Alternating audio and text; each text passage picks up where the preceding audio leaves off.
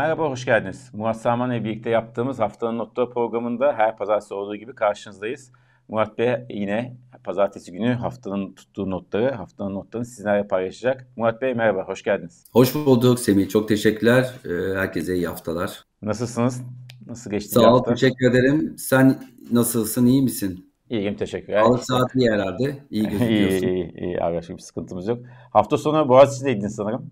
Gençlerle birlikteydiniz. Evet. Evet evet gençlerle beraberdik. Ya güzel oluyor. Çok e, kalabalıktı. E, e, her yıl e, düzenlik düzenledikleri Finance Break e, şeyi var, konferansı var. E, orada e, katılımcı olduk. Gençlerle bir araya geldik. Haftaya da ODTÜ'de olacağız. Şimdi Murat Bey e, bu haftaki gündemimize başlayalım. Önce istiyorsanız geçen hafta kalan, bu hafta devam eden bir tartışmaya başlayalım bankalar üzerinde. Ee, biz sizinle sık sık konuşuyoruz. Bankalar sürekli gündemde. Ekonomi yönetimi bankalara bir açıklama yapıyor. Onlar bir açıklama yapıyor. Son olarak da bu Türk lirası mevduat tutma sınırının %50 sınırındaki komisyonun %3'ten %8'e çekilmesi. %60'da da %3 devam ediyor. Kısaca diyor ki TR mevduat oranınızı arttırın.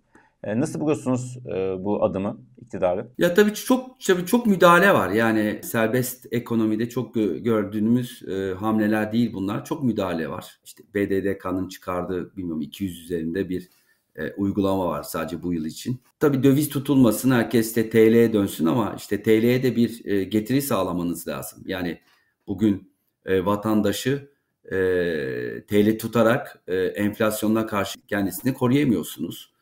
Ee, evet tamam TL e, TL'ye geçsin vatandaş ama işte faiz çok düşük. E, yani enflasyona göre çok düşük. E, işte birçok büyük bankada bu sınırın altında yani yüzde 50'nin altında. Hani bunu arttırmaları için yani daha yüksek e, faiz vermeleri gerekiyor. Bu daha yüksek faiz vermek demek işte bu sefer daha yüksek kredi faizi vermek demek.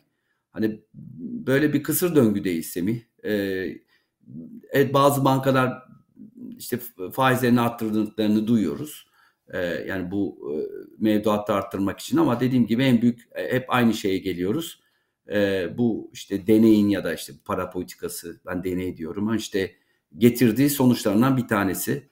Ee, faiz çok düşük kaldı enflasyona karşı ve vatandaş kendini yani şu anda KKM'den de kendini koruyamıyor ki e, yavaş yavaş geçişler gördüğünü e, görüyoruz. Yani hem dövize biraz kaymalar var.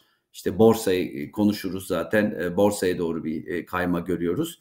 E, bazı faizlerin, mevduat faizlerinin de yükseldiğini görüyoruz. Zaten bu da e, ekonomiyi de e, daha yüksek faizle borçlanmasına neden oluyor.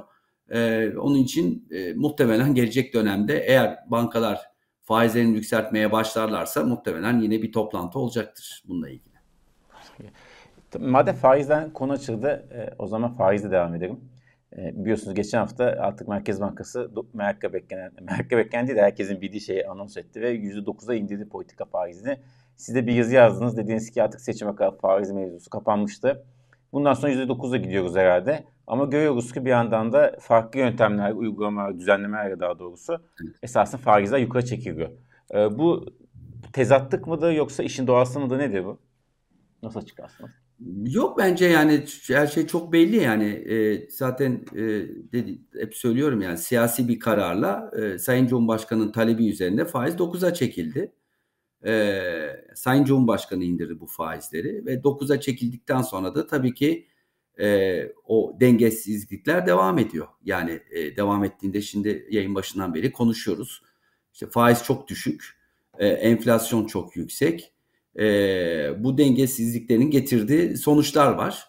E, onun için zaten farklı farklı bu tür e, düzenlemeler e, geliyor ve gelmeye devam edecek. Yani bu hani seçime kadar şey belli. Yani faiz tek hane. Şimdi e, gelecek haftalarda işte bunu çok duyacağız. Yani şu cümleyi çok duyacağız. İşte bakın işte siyasi taraftan işte e, Sayın Cumhurbaşkanı da açıklamasını ekrana veriyorsunuz. E, şimdi de enflasyon inecek diye e, açıklamalar duyacağız ki e, hep haftalardır yani ben ve diğer e, değerli meslektaşlarım da konuştu. İşte baz etkisinden dolayı enflasyon zaten inecek yani 85'lerden e, işte 50 yüzde 50 60'lara inecek gelecek aylarda. Bunun e, sebebi işte baz etkisi teknik sebeplerden e, inecek. Bu arada enflasyon inmeyecek. Tekrarlıyorum. Hani finans okur yazarlığı bir katkımız olsun. Enflasyon yükselme yüksek kalmaya devam edecek. Enflasyon yükselecek. Hızı azalacak sadece. Yani yüzde 85 değil de işte yüzde 50 yükselecek. Yüzde 50-60 yükselecek. E, onun için e, buradaki şey belli. Yani faiz tek hane kuru e, dengeli şekilde tutmaya e, devam edilecek ki hani burada bir kaynak da var artık. Yani dışarıdan gelen biliyorsun kaynaklar var. İşte en son e, Suudi Arabistan'da biliyorsun bir e, 5 milyar dolar bir mevduat tam Suudi Arabistan e, Arjantin'e ikinci golü atarken tam o haber düştü. Yani aynı anda çok eş anlamlı oldu. Çok büyük tesadüf.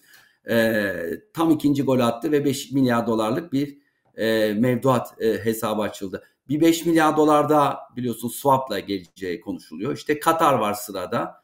E, Katar'dan da e, bir kaynak gelecek ve bu gelen kaynaklarla da seçime kadar e, vatandaş tabii KKM'den e, dövize döndüğü için bu bir şekilde e, arz tarafında da bir dengelenme e, sağlanacak. Yani tek e, işte tek haneli faiz, işte dengeli e, kontrollü bir kur. Yani biraz Türk lirası değer kaybedebilir ama e, bir şok e, yaşanmamasına dikkat edilecek. Çünkü eğer kur şoku yaşanırsa bu sefer bu enflasyonda beklediğimiz o baz etkisinin de etkisi azalacaktır.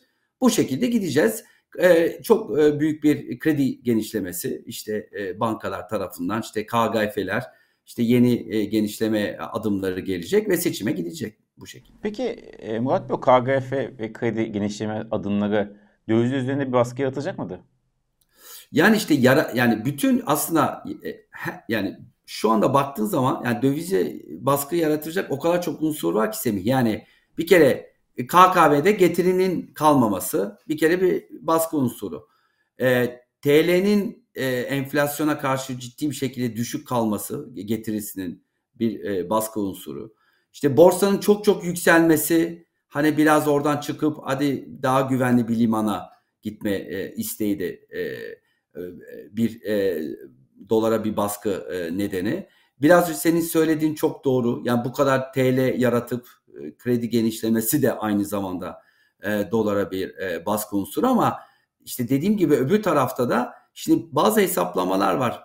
E, yani işte e, Sayın Durmuş Yılmaz galiba yani 100 eksi 100 milyar dolara karşı bir e, swapla şey eksi bir e, e, bakiyeyle girilebilir. Yani eksi bir rezervle seçime gidebiliriz gibi bir açıklaması var da değer vermek lazım. Çünkü eski Merkez Bankası Başkanı. E, aynı zamanda e, farklı kurumların e, raporları var. Yani işte merkezin 30-40 milyar dolar daha e, alanı olduğu için e, bu işte kuru tutmak için. İşte bir de dışarıdan gel, gelen e, paralar var. İşte net hata 90'daki rakamı işte biliyoruz. E, işte 25 milyar doların üstünde. Bütün bunlara baktığın zaman yani bir 5-6 ayda e, kuru tutabilecek bir e, yeterli düzeyde olduğu söyleniyor. Ama ben hep bunu söylüyorum. Yani çok çok da kolay değil. Yani baskı yani bu politikayla kurdaki baskı gittikçe artacak diye düşünüyorum gelecek dönemde. Evet, e, yaşayıp göreceğiz e, her zaman gibi. Peki buradan piyasalara geçelim. Tüm bu söylediklerimiz, tüm bu anlattıklarınız piyasaya nasıl yansıyor? Küçük küçük esasında ipuçları vermiştiniz ama başlık başlık gidelim. Önce önce borsaya başlayalım. En pozitif olan kısmına başlayalım. E, borsa esasında bildiğimiz gibi yükselmeye devam ediyor. Ne diyorsunuz borsanın gidişatı hakkında? Yani borsa bildiğimiz gibi e, artık yani ee, yani iki kişi bir araya geldiğinde e, iki konu var artık. Birincisi enflasyon, ikincisi borsa. Ee, bu tabii gündemde kalmaya devam edecek. Çünkü dediğim gibi yani ben şunu görüyorum. E, yani belki de hani 30 e, yıllık bu işlerde olduğum için şöyle bir şey anımsamıyorum. Hiç anımsamıyorum. Yani geçmiş dönemde borsanın böyle bir koruma aracı gibi o, olmasını hiçbir yerde hatırlamıyorum. Yani hani bo, borsa bir yatırım yeridir. Yani işte ortaklık e, bir ortak oluyorsunuz bir şirkete e, yatırım yapıyorsunuz. Yani e, ama şu anda gözüken ki dediğim gibi bu e, işte politikanın ya da bu deneyin getirdiği bir sonuç. Hani borsa artık bir korunma yeri gibi oldu. Yani hani vatandaş e, kendini korumak için ne yapmalı? Yani e, faiz düşük. Konut işte, böyleydi biliyorsunuz. Efendim? Konut böyleydi bir ara.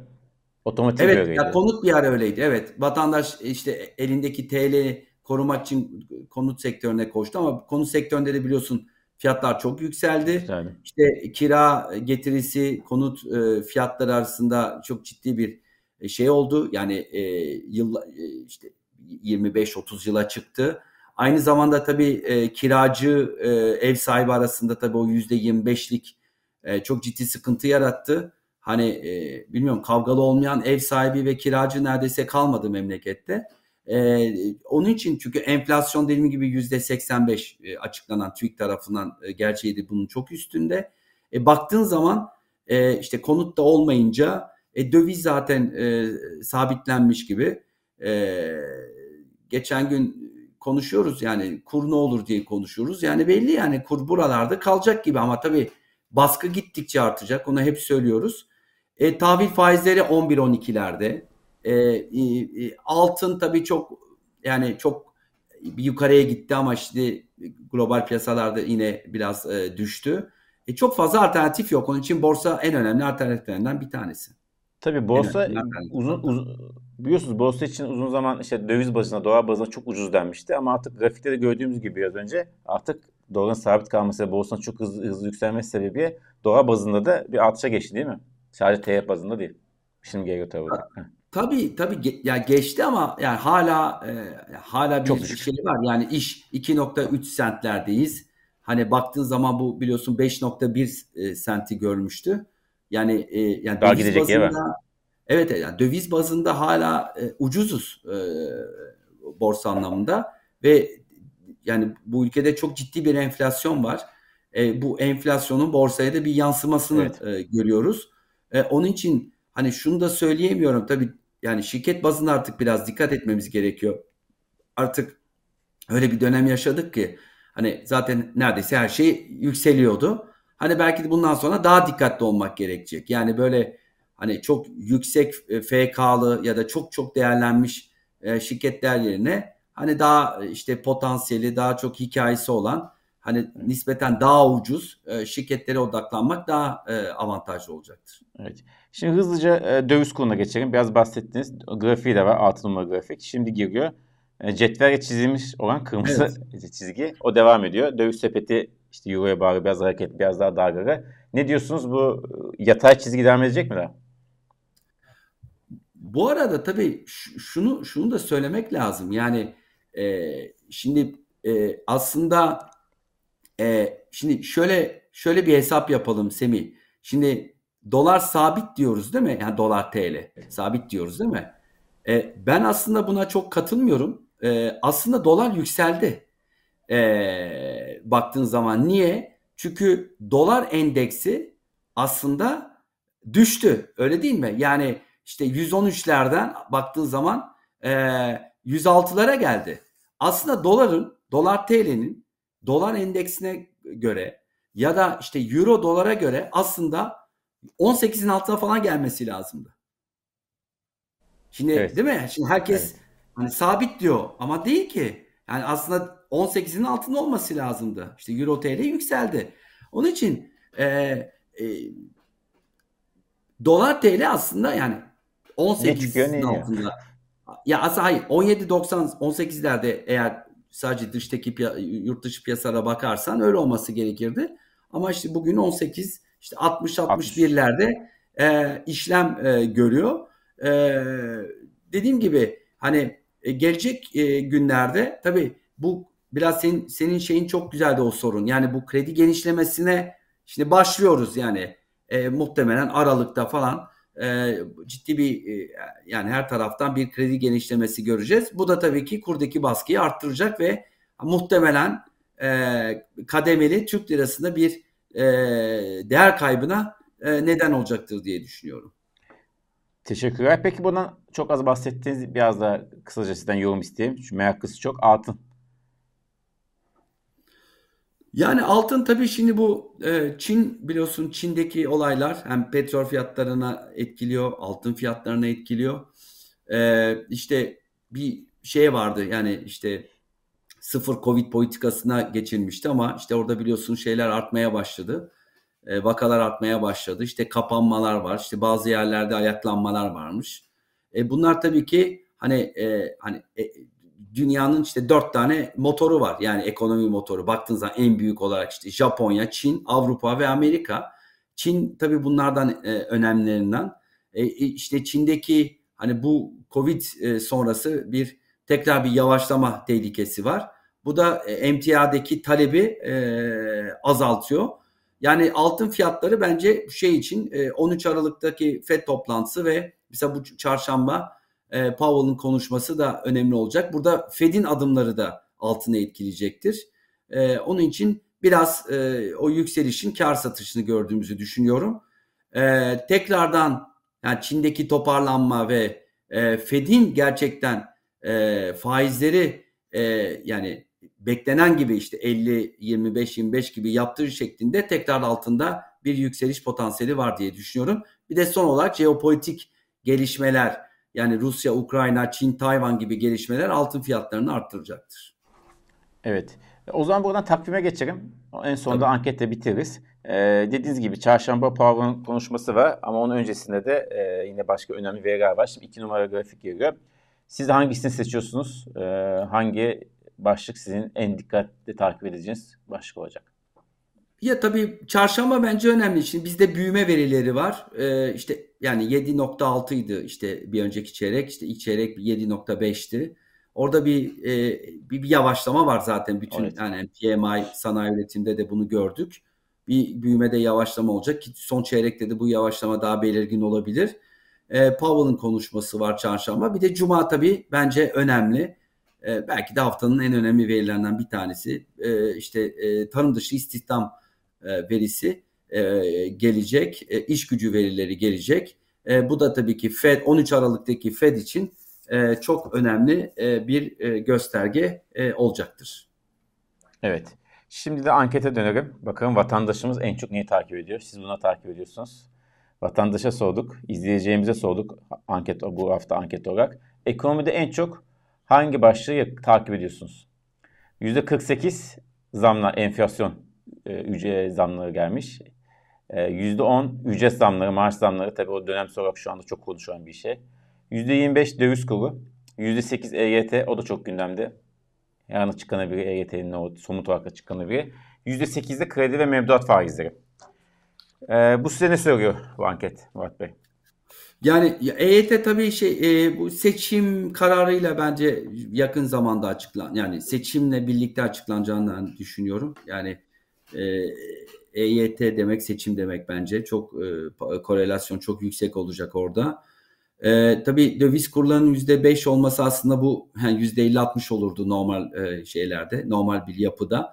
E, işte döviz kurları artık çok zamandır e, sabit olduğu için e, tabii ki ben yani enflasyonun %50 ol, olmasını çok e, normal buluyorum. Hatta daha da yüksek olabilirdi. Yani şu anda bence Türkiye'nin en önemli gündemi e, şu anda bence enflasyon. E, çünkü yani e, bir e, aldığınız e, fiyatı bir daha biliyorsun bulamıyorsun. Yani e, bu yani Türkiye'nin çok uzun zamandır yaşamadığı e, bir dönem. E, ve bu bunun durdurulması da çok zor. Yani sadece baz etkisi yetmeyecektir. E, burada e, bir e, enflasyon durduracak bir e, para politikası yok. E, ve seçime kadar da olmayacaktır. Zaten e, işte haftanın yazısında şunu belirttim. Zaten e, enflasyon şey faiz konusu artık faiz konusunu kapattık Seçime kadar e, aşağı ya da yukarı bir faiz değişikliği olmayacak. E, ama e, enflasyon, bu enflasyon e, hayatımızda e, kalmaya devam edecek maalesef ve en büyük sorun olmaya e, hala e, aday diye düşünüyorum. E, Murat Bey zamanımızı açtık, süremizi bitirdik ama e, bir şey var, son dakika gelişmesi de yani bugün sabah yapan iki konu var. Açtığımız konuyu kapatalım bankaları. İş Bankası Genel Müdürü bu ilk açışta konuştuğumuz Türk lirası mevduatından işte %50 oranı tutturmak gibi hedefi biliyorsunuz konuşmuştuk. İş Bankası Genel Müdürü Hakan Aran demiş ki e, bizim böyle bir hedefimiz yok. Ülke için yararlı olduğunu düşünmüyorum demiş. Bunda nasıl bir ekonomiyle e, demeç vermiş. Denizbank Genel Müdürü, şimdi onu şimdi gördüm. Denizbank Genel Müdürü Hakan Ateş de ortodoks politikaya dönüş bekliyoruz. Demiş ki Deniz Hakan Ateş nispeten e, daha pozitif bu konuda açıklama yapan bir isimli bankacılık sektöründe. E, ne diyorsunuz bu iki banka genel müdürünün açıklamasına? Yani burada bankalar zaten son haftada biraz e, eleştirini daha yüksek sesle getiriyorlardı. Ama herhalde bundan sonra bu en azından devam edecek. Ya şimdi ben tabii bir eski bir bankacıyım. Yani sonuçta bankanın e, amaçları bellidir. Yani sonuçta ekonomi bir kaynak yaratmak e, ve bunu işte o kaynakları da e, işte e, Moody'lerden toplamak ve e, üstüne koyarak bir kredi vermek. Şimdi bu bu yapıda bu, bu e, işte ekonomik e, modeli ya da deneyde baktığın zaman e, yani sen hem TL topla diyorsun, e, TL mevduatını arttır diyorsun e, ama faiz düşük faizle yap diyorsun. E, öbür türlü öbür tarafta enflasyonda e, yüzde 85'lerde e, olduğu e, bir yerdeyiz. Ya vatandaş zaten verdiğin e, faizle mevduat zaten vatandaş şu anda korumuyorsun. Yani ben şeyden de bahsetmiyorum yani hani vatandaşa böyle çok süper bir getiri ver. İşte mevduatın üstünde bayağı yüksek olsun falan demiyorum. Sa- şeyin enflasyonun üstünde. Sadece vatandaşı korumak yani sonuçta yani şimdi tabii sadece bizde değil diğer ülkelerde de aynı şey var ama burada şey çok açıldı. Yani marj ciddi bir şekilde burada e, açılmış e, durumda. Onun için tabii ki e, tabii bankanın işi çok kolay değil. E, evet bankalar kar ediyor e, ta, e, ama banka, bankacı biliyorsun e, ekonomide kan dolaşımını sağlayan bir sektör. E, bankalar çok önemli. E, onun için ya bu tür açıklamalar gelecek dönemde e, gelecektir. Ben bu açıklamalar sonrasında e, bir toplantıya çağrılacaklarını da tahmin ediyorum. E, daha önce daha önceleri olduğu gibi. Evet takip ediyoruz. Onu da haftaya konuşuruz eğer öyle bir şey olursa. E, çok teşekkür ederiz Murat Bey. Çok sağ olun. Çok teşekkürler. Herkese iyi haftalar tekrar. Size de iyi hafta. Kendinize çok iyi bakın. Sağ olun.